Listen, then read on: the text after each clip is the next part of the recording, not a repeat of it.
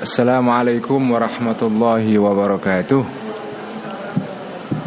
Bismillahirrahmanirrahim Alhamdulillahi rabbil alamin Wassalatu wassalamu ala ashrafil anbiya'i wal mursalin Sayyidina wa maulana wa habibina Muhammadin wa ala alihi wa ashabihi Wa man tabi'ahum bi ihsanin ila yaumiddin رب اشرح لي صدري ويسر لي أمري واخلل عقدة من لساني يفقه قولي رب زدنا علما ورزقنا فهما آمين يا رب العالمين أما بعد Teman-teman semua, mari kita melanjutkan ngaji kitab Al-Iqtisad ila ruhi nabiyina wa syafina Muhammadin sallallahu alaihi wasallam ila arwahil anbiya wal mursalin وإلى أرواح الأولياء والشهداء والصالحين وإلى أرواح الآل والأصحاب أجمعين. وإلى أرواح الأئمة المجتهدين والمؤلفين والمصنفين خصوصا إلى روح سلطان الأولياء الشيخ عبد القادر الجيلاني والإمام أجل البغدادي والشيخ وحجة الإسلام أبي حامد الغزالي والشيخ الأكبر محدن بن عربي والإمام أبي الحسن الشاذلي وإلى أرواح أولي الله تعالى في أرض نسنترى حسن أرواح ولسان وروح وليلى جدنا بأحمد متمكن قدس الله وأسرارهم ونور ضرائحهم وعدم بركاتهم ونفعنا بعلومهم وأمدنا بمددهم إلى أرواح علمائنا مؤسس جمعية نهضة العلماء والجمعيات الإسلامية الأخرى خصوصا الروح حضرة الشيخ هاشم أشعري وروح Ki Abdullah Hasbullah Ki Bisi Sansuri Ki Wahid Gustur Ki Mas Ki Asan Samsul Arifin Ki Khalil Bangkalan Ki Asan Ki Ahmad Siddiq Ki Ma'sum Ki Ali Ma'sum Ki Abdullah Salam Ki Sal Mahfud Ki Bisi Mustafa غفر الله ذنوبهم وستر عيوبهم وإن درجاتهم ونفعنا بعلم مددهم وإلى أرواح آبائنا وأمهاتنا وأجدادنا وجداتنا ومشايخنا ومشايخ مشايخنا. وصلنا روحي أبيك عبد الله رفاعي وريخ إمين يا سلمة وريخ إمين فضمة وغفر الله ذنوبهم وستر عيوبهم شاء لله لهم الفاتحة. أعوذ بالله من الشيطان الرجيم. بسم الله الرحمن الرحيم. الحمد لله رب العالمين. الرحمن الرحيم. مالك يوم الدين. إياك نعبد وإياك نستعين اهدنا الصراط المستقيم صراط الذين أنعمت عليهم غير المغضوب عليهم ولا الضالين آمين. بسم الله الرحمن الرحيم. قال المؤلف رحمه الله تعالى وأدام النفع به وبعلمه في الدارين. آمين. رب يسر وأعين. Kitab Al-Iqtisad halaman 162 وأما حكمه بالإيمان للجارية لما أشارت إلى السماء فقد انكشف به أيضا إذ ظهر أن لا سبيل للأخرس إلى تفهيم علو الرتبة إلا بالإشارة إلى جهة العلو وأما حكمه adapun menghukuminya kanjeng Nabi menilainya kanjeng Nabi bil imani dengan iman lil jariyati kepada seorang budak perempuan yang tanya kepada beliau ya ke, dalam keterangan di awal pembahasan ini dijelaskan bahwa pada suatu saat ada seorang budak perempuan datang kepada uh, kanjeng Nabi dan bertanya ya ditanya oleh kanjeng Nabi di mana Allah Lalu budak ini memberikan tanda atau menunjuk dengan jari-jarinya menunjuk ke atas ya. Jadi jadi uh, seolah-olah budak perempuan ini menganggap bahwa Allah itu ada di atas ya. Uh, dan oleh kajian Nabi nggak dipersoalkan, tidak dipermasalahkan sama sekali. Ya. Apakah dengan demikian lalu kanjeng Nabi membenarkan bahwa Allah ada di atas? Tidak ya. Nanti akan dijelaskan di sini. Wa amma hukmuhu adapun menghukuminya kanjeng Nabi bil imani dengan iman lil jariyati kepada budak perempuan lama asyarat ketika menunjuk al jariyah tadi ila samai ke langit faqad syafa maka telah terbuka telah terjelaskan ya bihi dengan uh, apa namanya dengan penjelasan tadi sebelumnya ini. Karena sudah dijelaskan sebelumnya dalam pembahasan yang sudah kita baca minggu yang lalu bahwa ya uh, bahwa uh, bahwa Allah tidak mungkin berada di dalam sebuah arah. Karena Allah itu bukan jauhar, bukan arat, bukan sesuatu yang punya bentuk fisik sehingga tidak mungkin berada di sebuah arah. Ya.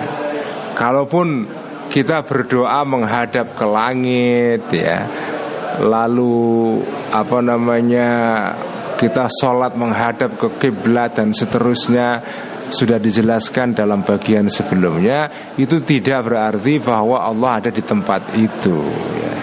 itu hanya menunjukkan bahwa ya Allah itu adalah maha maha tinggi maha luhur. Uh, kemudian apa namanya karena menurut manusia ya menurut manusia ya ketika kita kepingin menunjuk sesuatu yang tinggi biasanya kita menunjuk ke atas ya. Itu hanya sekedar untuk menunjukkan ketinggian Allah Subhanahu wa taala tetapi tidak menunjukkan bahwa Allah itu secara tempat ada di atas ya.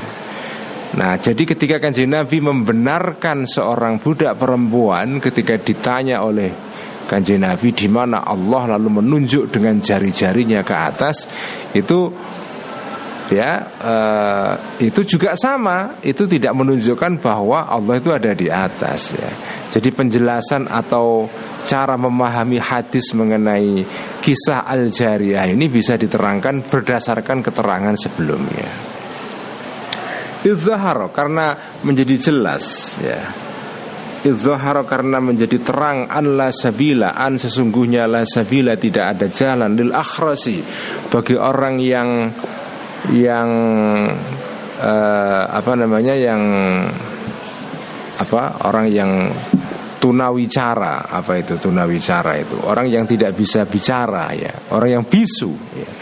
ila tafhimi uluwi rutbati uh, untuk atau kepada tidak ada jalan ila tafhimi uluwi rutbati untuk memahamkan untuk memberikan pengertian tentang tingginya derajat tingginya tingkatan ketika ketika budak perempuan ini ditanya oleh kanjeng Nabi di mana Allah? Ya. Dia nggak bisa ngomong ya. Nah untuk tetapi dia bisa memberikan isyarat ya. Nah budak perempuan ini ketika ingin menjelaskan bahwa Allah itu tinggi derajatnya dia tidak bisa menyampaikan jawabannya ini kecuali dengan isyarat. Isyarat itu ya berupa tangan diarahkan ke atas untuk menunjukkan atau untuk menyampaikan eh, apa namanya untuk menyampaikan bahwa Allah itu derajatnya atau rutbahnya tingkatannya adalah tinggi itu dengan memberikan isyarat tangannya diangkat ke atas. Fakat karat maka maka maka sungguh ada al jariyah tadi itu khorsa'a itu seorang perempuan yang bisu kama sebagaimana kisah hokia yang dikisahkan ma ini mengenai seorang perempuan ini. Jadi memang menurut menurut sebuah hikayat, menurut sebuah cerita perempuan yang datang kepada kanjeng Nabi ini memang perempuan yang bisu. Dia nggak bisa bicara, jadi bicaranya melalui isyarat itu. Jadi isyarat isyarat jari-jarinya ke atas itu bukan untuk menunjukkan bahwa Allah itu ada di langit, bukan. Tetapi untuk menunjukkan bahwa Allah itu derajatnya tinggi. Karena atas ya uh, tempat atas itu menunjukkan ketinggian derajat menurut adat manusia ini gitu loh ya. Wakat yudhanu dan kadang-kadang wakat kana dan dan dan ada. Yudhanu itu disangka ya, dianggap diasumsikan biha terhadap al jariyah tadi itu annaha sesungguhnya al jariyah ini mina abadatil authani termasuk para penyembah-penyembah berhala-berhala. Jadi perempuan ini ini kan perempuan Buddha ya Kemudian oleh kanjeng Nabi ingin dimerdekakan Kanjeng Nabi ingin memastikan perempuan ini beriman atau tidak Kajian Nabi tidak bisa menanyakan kepada perempuan ini tentang dia iman atau tidak karena dia bisu. Sementara orang-orang mengira dia ini adalah orang yang penyembah berhala. Ya. Nah, untuk memastikan dia ini iman atau tidak ditanya Allah itu di mana? Nah, gitu. Wa mimman dan termasuk orang ta'ata gitu yang menekatkan orang ini man ini ilaha terhadap Tuhannya man fi baitil asnami di rumahnya berhala-berhala. Jadi karena dia penyembah berhala, maka dia ini ya menganggap bahwa berhala itu ya atau Tuhan berupa berhala ini berada di rumah berhala. Jadi kalau ditanya misalnya di mana Allah itu, di mana Tuhan itu, kalau dia bukan seorang yang beriman, seorang muslim, pasti dia akan menunjuk Allah itu ada di rumah berhala-berhala. Itu tidak akan menunjuk atau tidak akan mengisyaratkan dengan jari-jarinya ke atas. Bahwa dia menunjuk Allah itu di atas menandakan bahwa dia ini beriman. Ya, itu itu itu makna dari hadis yang memuat kisah Al-Jariyah tadi itu. Fastun tekat maka disuruh bicara ya. Al-Jariyah ini bimu'taqadiyah terhadap atau tentang keyakinannya Al-Jariyah. Fa'arrafat maka memberitahu Al-Jariyah ini budak perempuan tadi itu bil isyarati dengan cara isyarat ila sama'i ke langit ya uh, memberikan tahu anna ma'budaha sesungguhnya sesembahannya atau Tuhannya Al-Jariyah Laisa tidak ada ma'buduha ini Fi buyutil asnami itu berada di rumah-rumah berhala-berhala Kama ya'takidu sebagaimana sesuatu ya'takidu yang menekatkan hu kepada ma'al ulaika mereka-mereka orang-orang yang yang yang kafir yang tidak percaya kepada Allah ya. Ini penjelasan mengenai soal kisah budak perempuan di awal pembahasan bab ini ya yaitu apa namanya uh, bab atau pembahasan mengenai bahwa Allah itu tidak berada di sebuah tempat tertentu atau arah tertentu. Itu itu penjelasan di dalam ad-da'wah atau klaim yang ketujuh ya. Yang berkaitan dengan zatullah tentang zatnya Allah, dirinya Allah ya. Jadi ada sepuluh dakwah, ada sepuluh ajaran ya di dalam akidah Asy'ariyah mengenai zatnya Allah. Salah satunya ajaran ketujuh adalah bahwa Allah itu tidak berada di sebuah tempat apa pun, tidak berada di sebuah arah.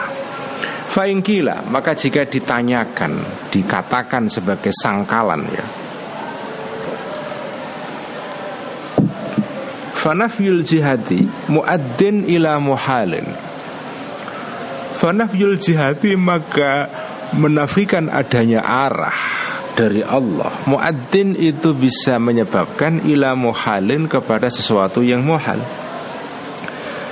Nah apa itu kemuhalan itu? Atau kemustahilan itu? Wahua muhal ini adalah Ithbatu mawjudin Menetapkan Menyatakan adanya sesuatu yang ada tahlu yang lepas yang sepi yang lepas anhu dari maujud al jihadus itu arah-arah yang enam ya. Wayakunu dan ada al ini sesuatu yang ada ini la dakhilal alami tidak berada di dalam alam wala kharijau dan tidak di luar alam raya wala muttasilan dan tidak tidak nempel bihi dengan alam ini. Wala munfasilan dan tidak terpisah anhu dari alam ini. Wadzalika dan ini semua ya, ada sesuatu yang ada kok tidak di dalam tidak di luar alam raya tidak nempel tidak terpisah. Itu mohalun adalah sesuatu yang mohal. Ini ini kalau ada orang menyangkal penjelasan Al-Ghazali bahwa Allah itu tidak mungkin punya arah ya. Ya, menyangkal dengan mengatakan mana mungkin ada sesuatu yang ada kok tidak mempunyai arah, tidak berada di arah tertentu. Tidak di depan, tidak di belakang, tidak di atas, tidak di bawah, tidak di kiri, tidak di kanan. Ini nggak mungkin ya. Ada sesuatu yang kategorinya maujud. Allah kan maujud kan? Allah ada.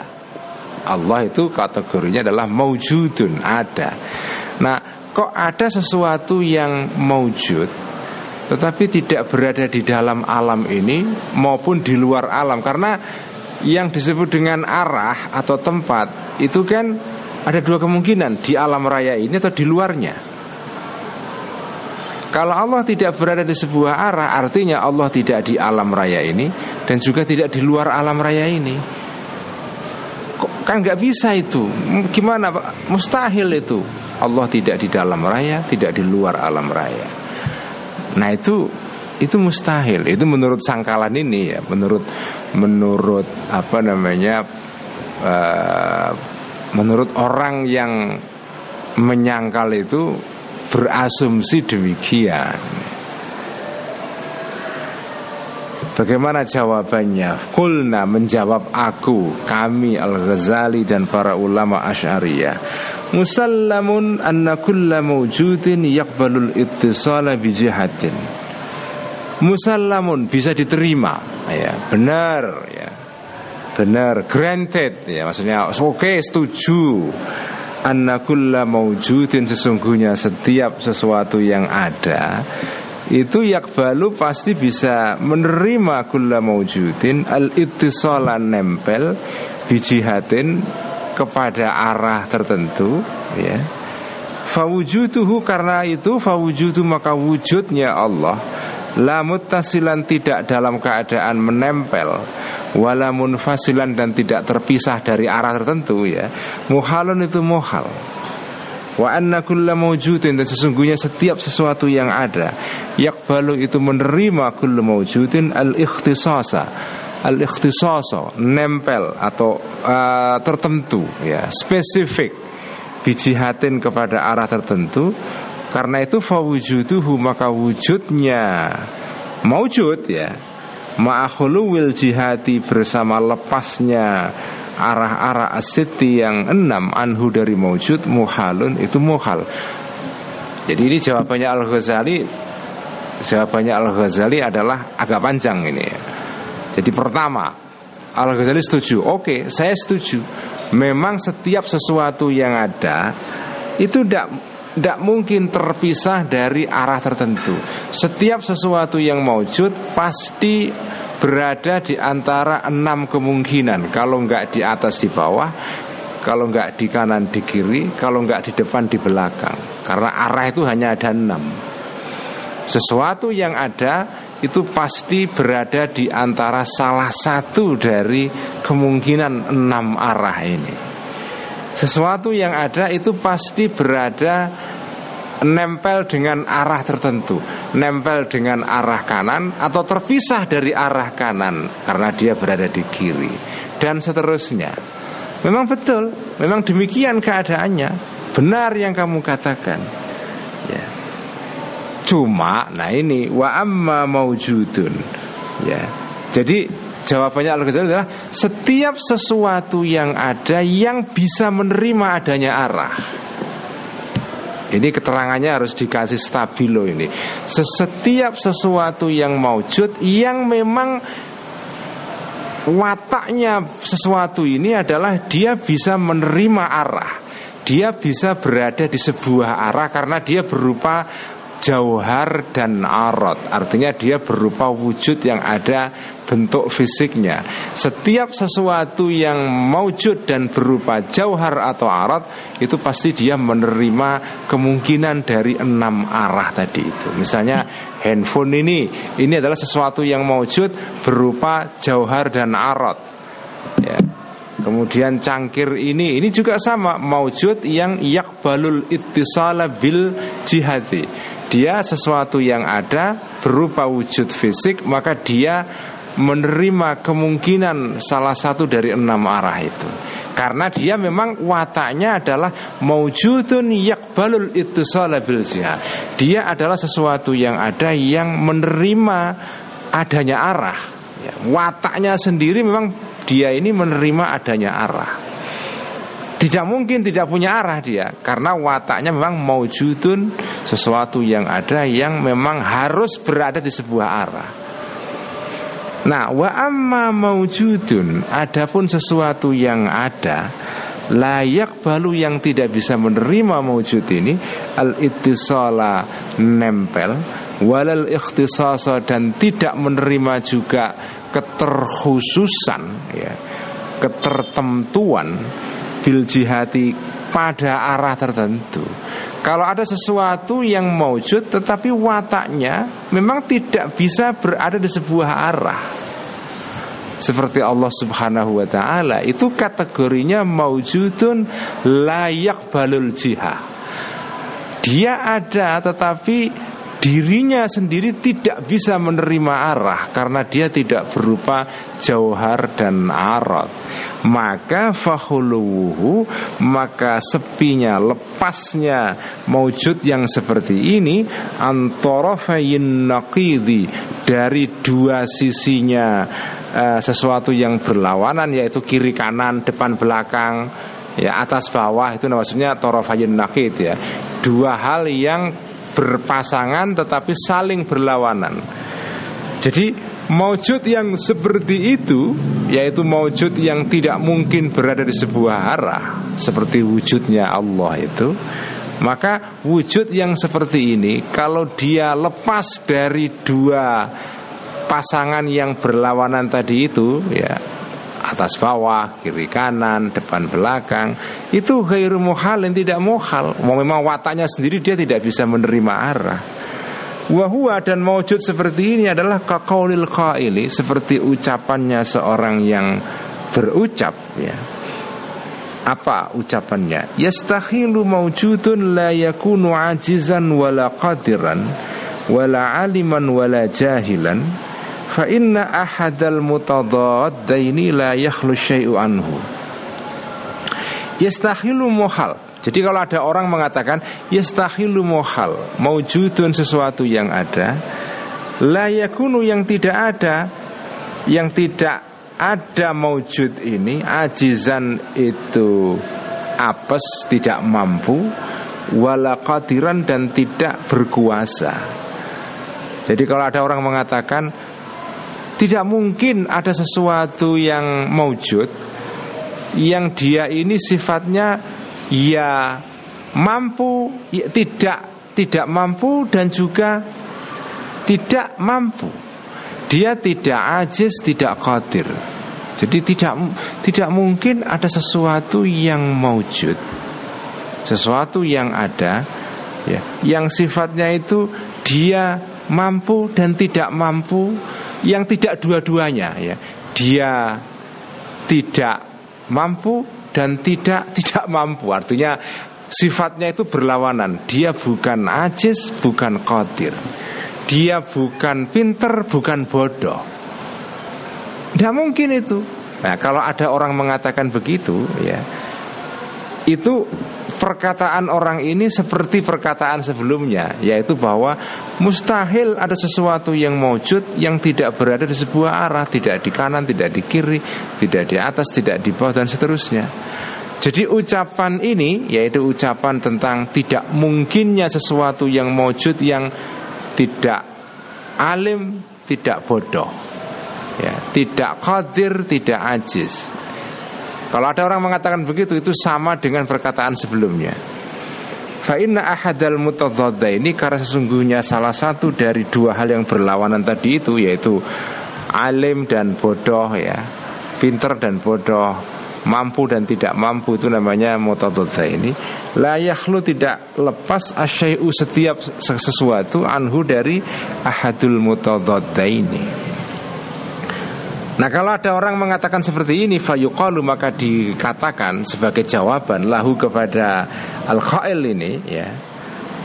Ucapan seperti tadi itu bahwa tidak mungkin ada sesuatu yang mewujud yang sifatnya itu ya ya tidak pinter ya tidak bodoh. Mustahil itu.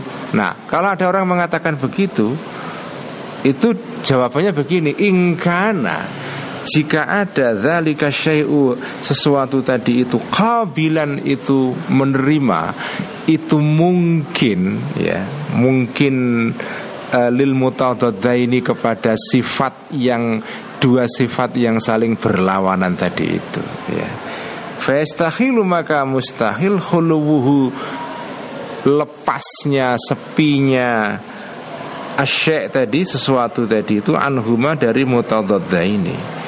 Wa ingkana jika ada ghair sesuatu tadi itu ghaira qabilin tidak menerima lahuma terhadap mutadadda ini La yastahilu maka tidak mustahil khuluwuhu lepasnya syek sesuatu tadi itu anhuma dari mutadadda ini kamal jamadi seperti sesuatu yang jamat sesuatu yang apa namanya yang tidak punya nyawa.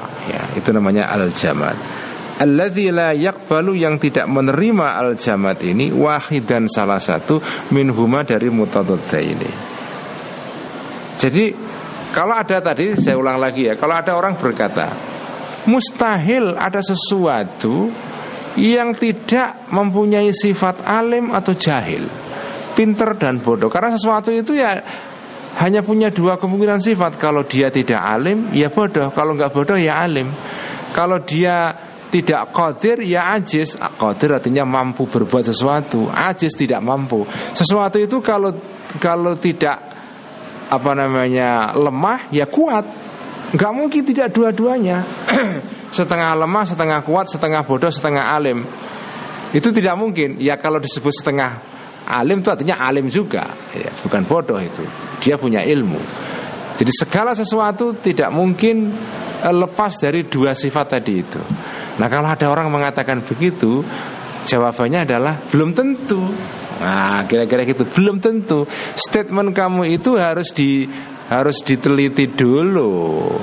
Memang sebagian dari yang kamu katakan benar tapi tidak dalam semua kasus. Yang kamu katakan itu benar kalau sesuatu itu memang bisa menerima sifat tadi itu alim atau jahil, qadir atau atau ajiz. Kalau sesuatu itu memang sifatnya seperti itu Kalau dia tidak alim tidak jahil Ya, kalau tidak alim ya jahil, kalau tidak qadir ya ajiz, maka sesuatu ini tidak mungkin lepas dari dua sifat itu, salah satunya. Tetapi kalau sesuatu itu tidak mungkin menerima sifat itu, ya tidak bisa kita menyebut dia ini alim atau jahil. Misalnya misalnya cangkir ini, ini namanya al-jamat. Cangkir ini adalah contoh al-jamat. Al-jamat segala sesuatu yang tidak punya nyawa dan tidak punya eh, apa namanya kecerdasan, ya. Contohnya cangkir ini. Cangkir ini ini kan tidak mungkin sampean sifati cangkir ini pinter atau bodoh. Wong dia nggak punya nyawa. Tidak mungkin sampean sifati cangkir ini mampu atau lemah. Karena cangkir ini dari awalnya memang tidak mungkin mempunyai sifat-sifat ini jadi kalau sesuatu ini sifatnya seperti itu Tidak mungkin disifati kodir atau ajiz Alim atau jahil Ya dia bisa saja lepas dari dua sifat ini. Itulah gambarannya Allah subhanahu wa ta'ala. Karena Allah itu dari awalnya Tidak menerima adanya arah ya Makanya tidak mungkin kita menyifati Allah itu ada arahnya Ya jadi perkataan kalian sebelumnya tadi bahwa tidak mungkin ada sesuatu yang mewujud kok tidak berada di sebuah arah, tidak di kiri, tidak di kanan. Lu mana ada? Ya bisa saja karena sesuatu itu memang tidak mungkin punya arah. Sebagaimana cangkir tadi itu tidak mungkin punya sifat alim atau jahil. Karena memang wataknya tidak punya sifat itu. Jadi kalau Anda mengatakan ada sesuatu yang yang tidak alim, tidak jahil, bisa saja. Contohnya apa? Cangkir. Contohnya apa? Ya segala hal yang jamak dan kursi, meja, pintu itu tidak ya tidak alim tidak jahil. Karena wataknya atau sifat dasarnya memang tidak bisa disifati alim atau jahil ya. Jadi al-jamat itu tidak menerima salah satu dari dua sifat yang bertentangan tadi itu. Li'annahu karena sesungguhnya al-jamat faqada itu kehilangan, tidak memiliki al jamat syartahuma syaratnya al ini karena al jamat barang yang tidak punya nyawa ini memang tidak memiliki syarat untuk bisa disifati alim atau jahil ya wahua syarat itu apa? Al hayatu adalah sifat hidup. Sesuatu itu bisa disifati mampu atau lemah. Itu kalau dia punya kehidupan punya nyawa maksudnya. Kalau sesuatu itu tidak punya nyawa nggak mungkin sampean katakan lemah atau kuat ya. Tapi kalau misalnya kambing, sapi, ayam, semua hal yang hidup itu bisa jenengan sifati dia ini bodoh atau pinter. Ya, kita bisa mengatakan kambing itu pintar. Ada kambing yang pintar, ada yang bodoh. Ya, ya. Ada kambing yang kuat, ada kambing yang lemah. Tapi kalau pohon, ya nggak bisa Anda mengatakan pohon itu kuat atau lemah ya uh, ya pohon masih bisa ya karena pohon itu punya punya kehidupan. Tapi misalnya batu nah sesuatu yang tidak punya nyawa sama sekali yang yang yang tidak organik non organik ya tidak organik ya. Nah, tapi non organik nah itu tidak bisa disifati mampu atau lemah pinter atau bodoh tidak bisa. Fahulubuhu maka lepasnya al jamat ya sesuatu yang jamat yang non organik itu anhuma dari al ini dua sifat yang bertentangan tadi itu laisa tidak ada khuluwuhu bimuhalin itu mohal mustahil ya. Fakadzalika maka begitu juga maka sebagaimana al jamat ini atau syartul ittisali adalah fakadzalika maka seperti apa namanya uh, sebagaimana al hayat ya. Syartul ittisali syaratnya ittisal nempel. Wal ikhtisasi dan ketertentuan. Artinya nempel dengan arah tertentu pada sebuah arah tertentu. Itu syaratnya ya. Tertentu bil jihati terhadap arah-arah. Syaratnya itu adalah At-tahayyuzu itu memiliki tempat. Ya. Wal kiamu dan berada bil mutahayyizi pada sebuah tempat. Sesuatu itu bisa disebut mustahil tidak nempel pada arah tertentu. Kalau sesuatu itu sifat dasarnya adalah at-tahayyuz. Ya kemeruangan itu namanya atahayyuz ya. Spasiality. Artinya sesuatu yang wataknya itu memang berada di dalam ruang. Nah sesuatu yang meruang itu apa? Ya segala hal yang punya wujud fisik benda barang. Karena Allah itu bukan barang yang tidak mungkin berada di dalam sebuah arah ya tetapi kalau sesuatu itu adalah benda, barang yang ada wujud fisiknya, maka sifat dasarnya adalah at-tahayyuz, meruang. Karena dia watak dasarnya meruang, maka tidak mungkin kalau dia nggak punya arah. Kalau kalau dia tidak punya arah mustahil, ya. Itu syaratnya barang sesuatu itu punya arah adalah at-tahayyuz ya, at-tahayyus. Nah Allah itu kan tidak berupa barang. Karena itu kalau Allah itu tidak punya arah ya tidak mustahil ya boleh-boleh bukan boleh-boleh saja malah wajib tidak mungkin berada di sebuah arah. Faidha kita maka jika di maka tidak jika tidak ada ya maka jika ditiadakan hadza uh, syarat ini yaitu atahayyus lam yastahil maka tidak mustahil. Al khuluwu lepas an mutadadatihi dari hal-hal yang bertentangannya atahayyus ya. Farju maka kembali an penalaran izan dengan demikian ila anna maujudan kepada jadi pada akhirnya kesimpulannya adalah bahwa ila anna maujudan kepada kembali kepada bahwa setiap sesuatu yang maujud Laisa yang tidak ada maujud ini bimutahayizin mempunyai ruang Walahua dan tidak maujud ini fi mutahayyizin berada di dalam sebuah ruang. Balhua sebaliknya maujud ini fakidun itu lepas, itu tidak punya. Kehilangan maksudnya tidak punya syaratul ittisali syarat berupa uh, syaratul ittisali syarat nempel wal infisoli dan lepas dari arah. Hal huwa muhalun apakah hal huwa apakah maujud ini muhalun muhal amla atau tidak ya. Jadi kembalinya kepada prinsip ini ya. Kalau sesuatu itu memang watak dasarnya tidak meruang, kalau dia tidak berada di sebuah tempat muhal atau tidak? Ya. Itu pertanyaan dasarnya.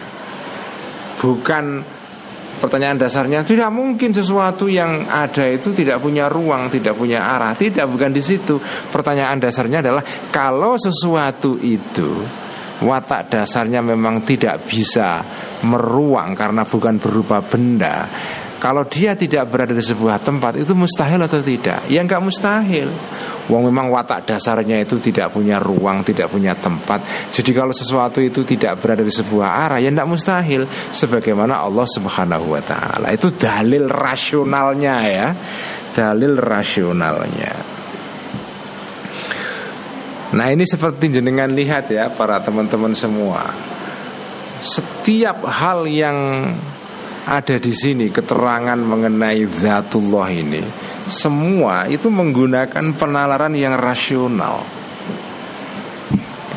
Rasional. Al Ghazali menjelaskan hal ini semua tidak dengan mengatakan Allah itu tidak mempunyai arah. Apa dalilnya? Karena Quran mengatakan demikian. Tidak. Seperti saya katakan berkali-kali, Quran itu bisa menjadi dalil bagi orang yang sudah beriman. Kalau orang itu belum beriman kepada Allah Tidak mungkin sampai mendalili dia dengan Quran. Wong dia nggak percaya Allah apalagi percaya Quran. Yang bisa sampean pakai untuk berdebat dengan orang itu adalah akal. Karena setiap orang yang punya akal Dia bisa diajak untuk berdiskusi menggunakan akal. Tapi jenengan nggak bisa berdiskusi dengan orang yang tidak percaya Islam menggunakan Quran Sebagaimana orang yang tidak percaya kitabnya orang Hindu nggak bisa diajak berdiskusi menggunakan dasar kitab Hindu. Dasar yang bisa dipakai oleh semua orang adalah ya adalah akal penalaran. Makanya di dalam seluruh keterangan ini semua yang digunakan sebagai dalil oleh Al Ghazali ya akal penalaran. Ya. Nggak ada kutipan oh, Allah tidak berada di arah karena alasannya karena Quran mengatakan demikian, hadis mengatakan demikian. Tidak ya. Tidak ya. Makanya uh, ada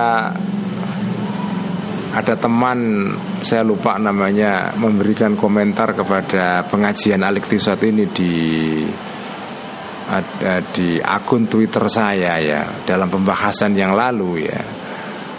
Saya sudah lupa mengenai pembahasan yang yang mana tentang tema apa. Tetapi tapi ada seorang teman yang kasih komentar ya. Kenapa kenapa Allah itu tidak begini-begini karena alasannya Quran mengatakan demikian demikian. Nah, itu itu itu kurang pas. Ya, kenapa? Karena karena kita sekarang tidak tidak tidak tidak sedang berdiskusi dengan orang yang percaya kepada kepada Al-Qur'an. Karena ini kita berbicara kepada orang yang masih masih berada di luar Islam. Ya. Karena itu kita nggak bisa menggunakan Quran sebagai dalil, nggak bisa. Dalil yang bisa dipakai ya akal karena semua orang punya akal akal itu dalil yang universal. Nanti kalau orang itu sudah masuk Islam, baru didalili dengan Quran dan hadis. Sebelum masuk Islam, belum bisa kita menggunakan Quran dan hadis. Belum bisa. Jadi relevansi Quran dan hadis itu terbatas kepada orang yang sudah menerima otoritas dua kitab ini. Sebelum dia menerima otoritas kitab ini, ya sebelum dia menerima kebenaran Quran dan hadis, Kita tidak bisa menggunakan dua dasar ini sebagai sebagai sebagai alat untuk berdebat atau berdiskusi tidak bisa ya. Mari kita teruskan Fa'in za'ama Maka ketika maka jika mengira ya, Al khosmu lawan. Fa'in za'ama maka jika mengira Al khosmu lawan. Anna sesungguhnya Tadi itu yaitu Ya Maujudun laisa mutahayyizin Faqidun syartal ittisali wal infisal Seterusnya tadi itu. Ya muhalun itu muhal wujuduhu wujudnya zalik ya. Faqad dalalna maka telah menunjukkan kami Al-Ghazali alaihi kepada zalik bi annahu dengan sesungguhnya keadaan berikut ini dhamir sya'an mahma bana uh, apa ketika ketika menjadi jelas anna kulla mutahayyizin sesungguhnya setiap hal yang mempunyai ruang ya. hadisun itu hadis itu anyar teko artinya anyar teko itu dia wujudnya punya permulaan waktu. Tidak kod tidak kodim ya. Wa anna kulla hadithin Dan sesungguhnya setiap sesuatu yang hadith Yaftakhiru membutuhkan hadith ini Ila fa'ilin kepada aktor Kepada agen Kepada seseorang yang mampu ya berbuat. Laisa yang tidak ada fa'il ini bihadithin bukan hadith Fakat lazima. Maka ini ini namanya kias ya. Ini berpikir logis ya seperti ini. Jika jika A, B dan C maka D Jika A maka B. Jika A adalah B dan B adalah C maka A juga C. Nah itu itu namanya berpikir menggunakan penalaran logis ya Fakat lazima maka menjadi tetap ya. Maka, maka tersimpulkanlah bidorurati secara darurat secara pasti. Min hatainil ini dari dua premis tadi itu subutu maujudin adanya sesuatu yang maujud laisa yang tidak ada maujud ini bimutahayyizin uh, apa namanya berada di sebuah tempat Amal aslani saya baca dulu ya. Amal aslani adapun dua premis tadi itu yaitu pertama premis bahwa kulla mutahayyizin hadithun ya. Dan kedua anna kulla hadithin yaftakiru ila fa'ilin. Ini dua asal maksudnya. Itu fakat azbatna telah menetapkan kebenarannya kami huma kepada al aslani sudah saya terangkan di bagian sebelumnya Wa amma da'wa al-lazimatu wa amma da'wa adapun dakwah klaim ya al-lazimatu yang tersimpulkan secara pasti min huma dari al-aslani ini fala sabila maka tidak ada jalan ila jahtihima untuk mengingkari ila jahtiha untuk mengingkari ad-da'wa ma'al iqrari bersama uh, mengakui atau pengakuan bil asla ini terhadap dua asal sebelumnya. Jadi jadi tadi Al Ghazali mengatakan bahwa pokok pembicaraan, pokok persoalannya itu saudara-saudara adalah bahwa apakah mungkin ya. Jadi kalau ada sesuatu maujud, sesuatu yang ada, sesuatu yang maujud, yang watak dasarnya maujud ini tidak menerima ruang, ya, tidak menerima arah. Nah, kalau sesuatu yang seperti ini kok tidak punya arah, itu mustahil atau tidak? Itu pertanyaan dasarnya. Jadi kalau ada sesuatu memang watak dasarnya dirinya zatnya itu sifat alamiahnya adalah memang dia tidak bisa menerima arah. Lalu sesuatu yang seperti ini tidak berada di sebuah arah, itu masuk akal atau tidak? Masuk akal atau tidak? Nah, kalau musuh lawan ya lawan debat ya, Fa'in za'ama. Kalau kalau lawan debat itu mengatakan berpandangan bahwa Sesuatu yang seperti ini itu mohal. Maksudnya sesuatu yang seperti itu tadi Sesuatu yang memang watak dasarnya tidak bisa menerima arah Terus kemudian dia tidak berada di, tidak berada di sebuah arah tertentu. Itu mustahil. Nah kalau ada orang berpandangan seperti itu Maka sudah kami terangkan dalam bagian sebelumnya Tentang mungkinnya sesuatu yang seperti itu Sesuatu yang watak dasarnya tidak berada di sebuah tempat lalu dia tidak berada di sebuah arah, itu tidak mustahil. Sudah saya jelaskan pada penjelasan sebelumnya. Yaitu apa penjelasannya? Penjelasannya adalah bahwa diulang lagi di sini ya supaya anda nggak nggak lupa ya, yaitu bahwa annakulla mutahayyizin hadithun. Sesuatu kalau mempunyai tempat arah tertentu itu sudah pasti hadith bukan qadim. Ya, Ingat kembali ya istilah hadis dan qadim itu istilah yang mempunyai makna tersendiri ya. Hadis artinya sesuatu yang tercipta pada waktu. Sesuatu yang maujudnya, wujudnya itu punya awal dan akhir itu namanya hadis. Qadim itu sesuatu yang tidak punya awal, tidak punya akhir, seperti Allah Subhanahu wa taala. Nah, sesuatu yang meruang mutahayyiz itu sudah pasti hadis. Karena Allah itu tidak hadis, Allah itu sifatnya qadim, maka kesimpulannya tidak mutahayyiz. Jadi saya ulang lagi, setiap atau segala sesuatu yang mutahayyiz itu pasti hadis, tidak mungkin qadim. Kenapa? Penjelasannya sudah sudah sudah diterangkan sebelumnya. Karena sesuatu itu nggih, sesuatu itu kalau punya tempat ikhtisos ya. Kalau dia menentu, dia berada di sebuah si tempat tertentu, atas, bawah, kiri, kanan, depan, belakang. Sesuatu yang ikhtisos, sesuatu yang secara tertentu berada di sebuah arah ya. Tadi itu arah yang enam itu maka otomatis dia membutuhkan mukhosis. Sesuatu yang lain yang membuat dia berada di tempat itu jadi misalnya cangkir ini guys eh, para teman-teman semua cangkir ini sekarang berada di depan saya maka saya menyebutnya sebagai cangkir ini ada di depan karena ada di depan saya tidak mungkin cangkir ini kok ujuk-ujuk di depan sendiri semula di sebuah tempat lain kok tiba-tiba ada di depan saya.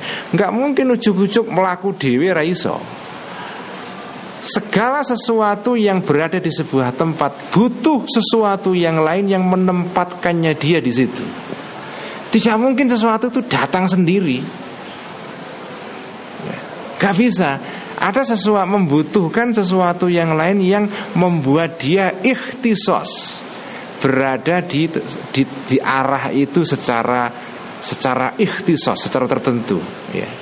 Dia butuh mukhasis. Setiap sesuatu yang ikhtisos pada sebuah arah Dia butuh mukhasis yang lain. Sesuatu yang lain yang menempatkannya dia berada di situ. Kalau dia butuh sesuatu yang lain Namanya bukan Tuhan.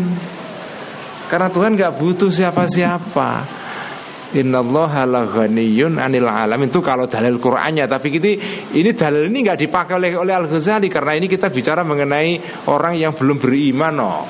Ya. Sekali lagi nggak bisa jadi kan menggunakan dalil Quran. Kecuali kalau sudah masuk Islam boleh. Kalau belum masuk Islam ya nggak boleh. Dia dalil mana Quran dia belum beriman ya. ya. Jadi yang bisa dipakai dalil akal. Karena akal itu milik semua orang. Akal adalah dalil yang universal jadi setiap sesuatu yang mutahayyis pasti hadis. Segala sesuatu yang ada tempatnya itu pasti ahadis, tidak mungkin abadi. Dia punya awal, dia punya akhir. Cepat atau lambat dia punah. Ya. Dia semula ada menjadi ada, nggak mungkin kodim. Itu adalah premis pertama. Premis kedua, sesuatu yang hadis, kalau dia hadis maka butuh sesuatu yang lain yang membuat dia hadis. Nah, dua premis ini menyimpulkan kesimpulan berikutnya, yaitu apa? Lazima bid darurati min hatainil muqaddimataini thubutu mawjudin laisa mutahayyizin. Kalau begitu kesimpulannya adalah ada dong sesuatu itu yang tidak punya tempat pada dirinya. Watak dasarnya memang dia laisa bimutahayizin, tidak punya tempat. Kalau dia tidak punya tempat maka ya dia tidak hadis, dia qadim. Kalau dia qadim tidak mungkin berada di sebuah tempat tidak mungkin berada di sebuah arah. Kesimpulannya Allah nggak berada di arah. Allah tidak berada di arah tertentu. Ya sudah selesai ya. Ini menjawab pertanyaan orang yang mengingkari uh, prinsip Allah itu tidak berada di sebuah arah. Sudah terjawab. Sudah terjawab. Fa'in maka jika bertanya, berkata al-khasmu seorang lawan bicara, lawan debat ya. Kalau kalau lawan debat mengatakan lagi inna mithla hadzal maujudi sesungguhnya sepadannya maujud seperti ini. Alladzi saqa yang menggiring dalilukum dalilnya kalian yaitu Al-Ghazali dan kawan-kawan ila itsbatihi kepada menetapkannya adanya hadzal maujud itu ghairu mafhumin tidak bisa difahami. Keterangan sampean itu Al Ghazali ya bahwa ada sesuatu itu yang watak dasarnya memang tidak bisa menerima arah maka tidak mustahil dia memang tidak mempunyai arah. Perkataan kamu itu susah dipahami itu. Susah dipahami maksudnya gimana nggak bisa dipahami itu. Nah kalau dia mengatakan begitu fayuqalu maka dijawabkan. Dikatakan lahu kepada Al Hazam atau dikatakan ditanyakan kembali kepada dia maladzi aratta biqaulika ghairu mafhumin? Ma apakah sesuatu? Alladzi yoma ini yama ini aratta yang memaksudkan alladzi itu sesuatu. Ya ma apakah alladzi itu sesuatu? Aratta yang menghendaki engkau biqaulika dengan ucapan kamu ya. Ghairu mafhumin yaitu tidak difahami. Maksud kamu tidak difahami itu apa? Fa'in aratta Maka jika menghendaki engkau bikaulika Dengan statement kami tadi itu Annau sesungguhnya Maujud yang seperti itu Ghairu mutahayyalin tidak mungkin dibayangkan. Wala mutasawwarin dan tidak bisa diba, di apa, digambarkan Wala dakhilin dan tidak berada Berada masuk fil wahmi dalam bayangan manusia normal. Maka fakot sodakta maka telah benar engkau. Kalau maksudnya itu tidak bisa difahami itu nggak bisa digambarkan. Ya benar memang karena Allah itu memang nggak bisa digambarkan. Itu kalau maksudnya nggak maksudnya tidak difahami itu seperti itu. Nggak bisa digambarkan. Mana mungkin kok ada sesuatu itu tidak secara watak dasarnya tidak mungkin menerima arah. Piye caranya itu gimana? Kok ada sesuatu yang seperti itu? Saya tidak paham. Kalau maksudnya nggak paham tuh nggak bisa digambarkan nggak bisa dibayangkan nggak masuk dalam pikiran. Ya memang betul Wong Allah itu tidak mungkin bisa digambarkan manusia. Itu maksudnya begitu Fa'innahu karena sesungguhnya Allah itu layat hulu tidak masuk Allah itu fit tasawuri dalam gambaran manusia wal wahmi dan dan apa waham atau sangkaan manusia wal khayali dan bayangan manusia. Atau fa'ilnya walait hulu fa'innahu karena sesungguhnya keadaan berikut ini. Ini sya'an ya. Saya tadi keliru. Fa'innahu karena sesungguhnya keadaan berikut ini. Layat hulu tidak bisa masuk fitasawuri wal wahmi wal khayali illa jismun. Fa'ilnya layat hulu illa jismun kecuali barang benda lahu yang bagi jisim ini launun ada warnanya. Wakadrun dan ada ukurannya Dia besar, kecil. Jadi sesuatu itu bisa dibayangkan kalau dia punya warna, punya ukuran besar kecil, ya itu baru bisa dibayangkan. Lah Allah itu nggak punya warna, nggak punya ukuran, bagaimana bisa dibayangkan? Fal munfaku maka sesuatu yang lepas anil launi dari warna wal qadri dan ukuran ya sudah pasti layata sawaru tidak bisa menggambarkan hu kepada al munfak al khayalu khayalnya atau atau bayangannya manusia. Fa innal khayala karena sesungguhnya khayalnya atau atau bayang-bayangannya manusia qad anisa itu terbiasa al khayal ini bil mubsarati dengan sesuatu yang bisa dilihat yang ada warnanya, ada ukuran besar kecilnya. Itulah sesuatu yang bisa ditangkap oleh khayal atau pemahaman manusia. Lah Allah itu tidak begitu ya Bagaimana bisa dengan bayangkan? Jadi kalau maksudnya itu nggak bisa difahami begitu Ya betul sampean. Memang nggak bisa dibayangkan. Allah tidak bisa dibayangkan dalam pengertian itu loh ya. Karena Allah tidak punya warna Tidak punya ukuran besar kecil Fala yatawahamu. Maka tidak bisa membayangkan khoyal tadi itu Asyai'a sesuatu Illa ala wifkima Atau illa ala wafkima. Sesuai, Kecuali sesuai sesuatu Ro'a yang pernah melihat Khoyal tadi itu kepada ma. Khayal manusia itu terbiasa dengan hal-hal yang bisa dilihat. Artinya apa? Sesuatu yang punya warna, punya ukuran besar kecil itu kan itu kan sesuatu yang dilihat Nah pemahaman manusia itu terbiasa. Anisa itu itu terbiasa Dengan hal-hal yang seperti itulah Sementara Allah itu tidak seperti itu. Yang nggak mungkin bisa dibayangkan. Nggak masuk akal itu ya. Walaistatiu dan tidak bisa Dan tidak mampu ya uh, khayal an yatawahama membayangkan khayal ini. Ma sesuatu la yuwafiku yang tidak mencocoki ma ini hu kepada kebiasaannya khayal ya. Itu kalau maksudnya tidak bisa difahami itu tidak bisa dibayangkan. Nah wa in arada dan jika menghendaki al khasmu lawan bicara, lawan debat. Anau sesungguhnya perkataan atau jawaban Al Ghazali itu tadi itu laisa bimakulin laisa tidak ada uh, tadi itu maujud yang tadi seperti itu bima akulen itu bisa dipahami dalam pengertian bisa dinalar kalau ti kalau tidak bisa dipahami itu maksudnya tidak bisa dinalar dengan akal ya. Ailaisa bima'lumin.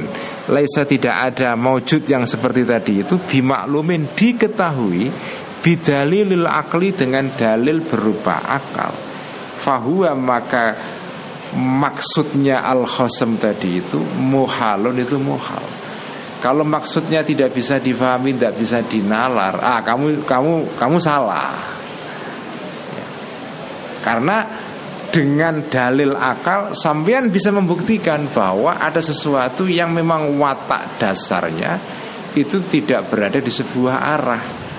Sehingga kalau dia tidak berada di sebuah arah tidak mustahil.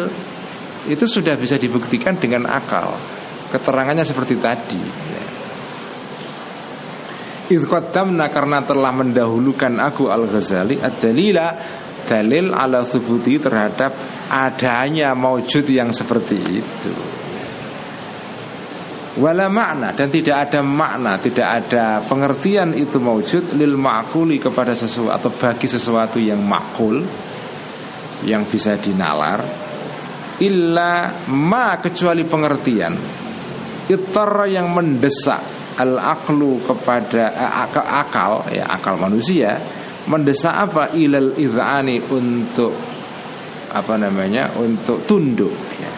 watasdiki dan membenarkan bihi terhadap ma tadi itu bimujabid dalili dengan tuntutan dalil Alladzi la yumkinu yang tidak mungkin mukhalafatu menentang dalil ini. Waqad tahaqqaqa dan telah terbukti hadza ini ya. Jadi apa namanya? Maksudnya laisa bimakulin itu kan sesuatu yang tidak bisa dinalar itu kan artinya apa? Uh, apa namanya artinya artinya makul itu sesuatu yang bisa dinalar itu kan sesuatu yang berdasarkan dalil yang yang yang masuk nalar itu dia menyimpulkan sesuatu tertentu kesimpulan tertentu sesuatu itu disebut bernalar karena kalau menurut dalil akal dia menyimpulkan A, B, C dan seterusnya yang kesimpulan ini harus diterima oleh akal. Nah kalau sampean mengatakan bahwa dalil yang kami kemukakan tadi itu tidak bisa difahami maksudnya tidak bisa masuk akal tidak bisa dinalar sampean salah karena dalil yang sudah kami kemukakan tadi itu dalil akal yang jenengan bisa nalar sendiri. Nggak mungkin dikatakan tidak bisa difahami. Kalau sampean punya akal ya beda soal kalau sampean tidak punya akal ya itu nggak bisa dibahas. Ini hanya berbicara dengan orang-orang yang punya akal itu ya. Fa in qala al khasmu wallahu alam bisawab mari kita tutup ngaji ini seperti biasa dengan salawat bil qulub. Allahumma salli ala sayyidina Muhammadin tibbil qulubi wa dawaiha وعافية الأبدان وشفائها ونور الأبصار وضيائها وعلى آله وصحبه وسلم. اللهم صلِّ على سيدنا محمد طب القلوب ودوائها وعافية الأبدان وشفائها ونور الأبصار وضيائها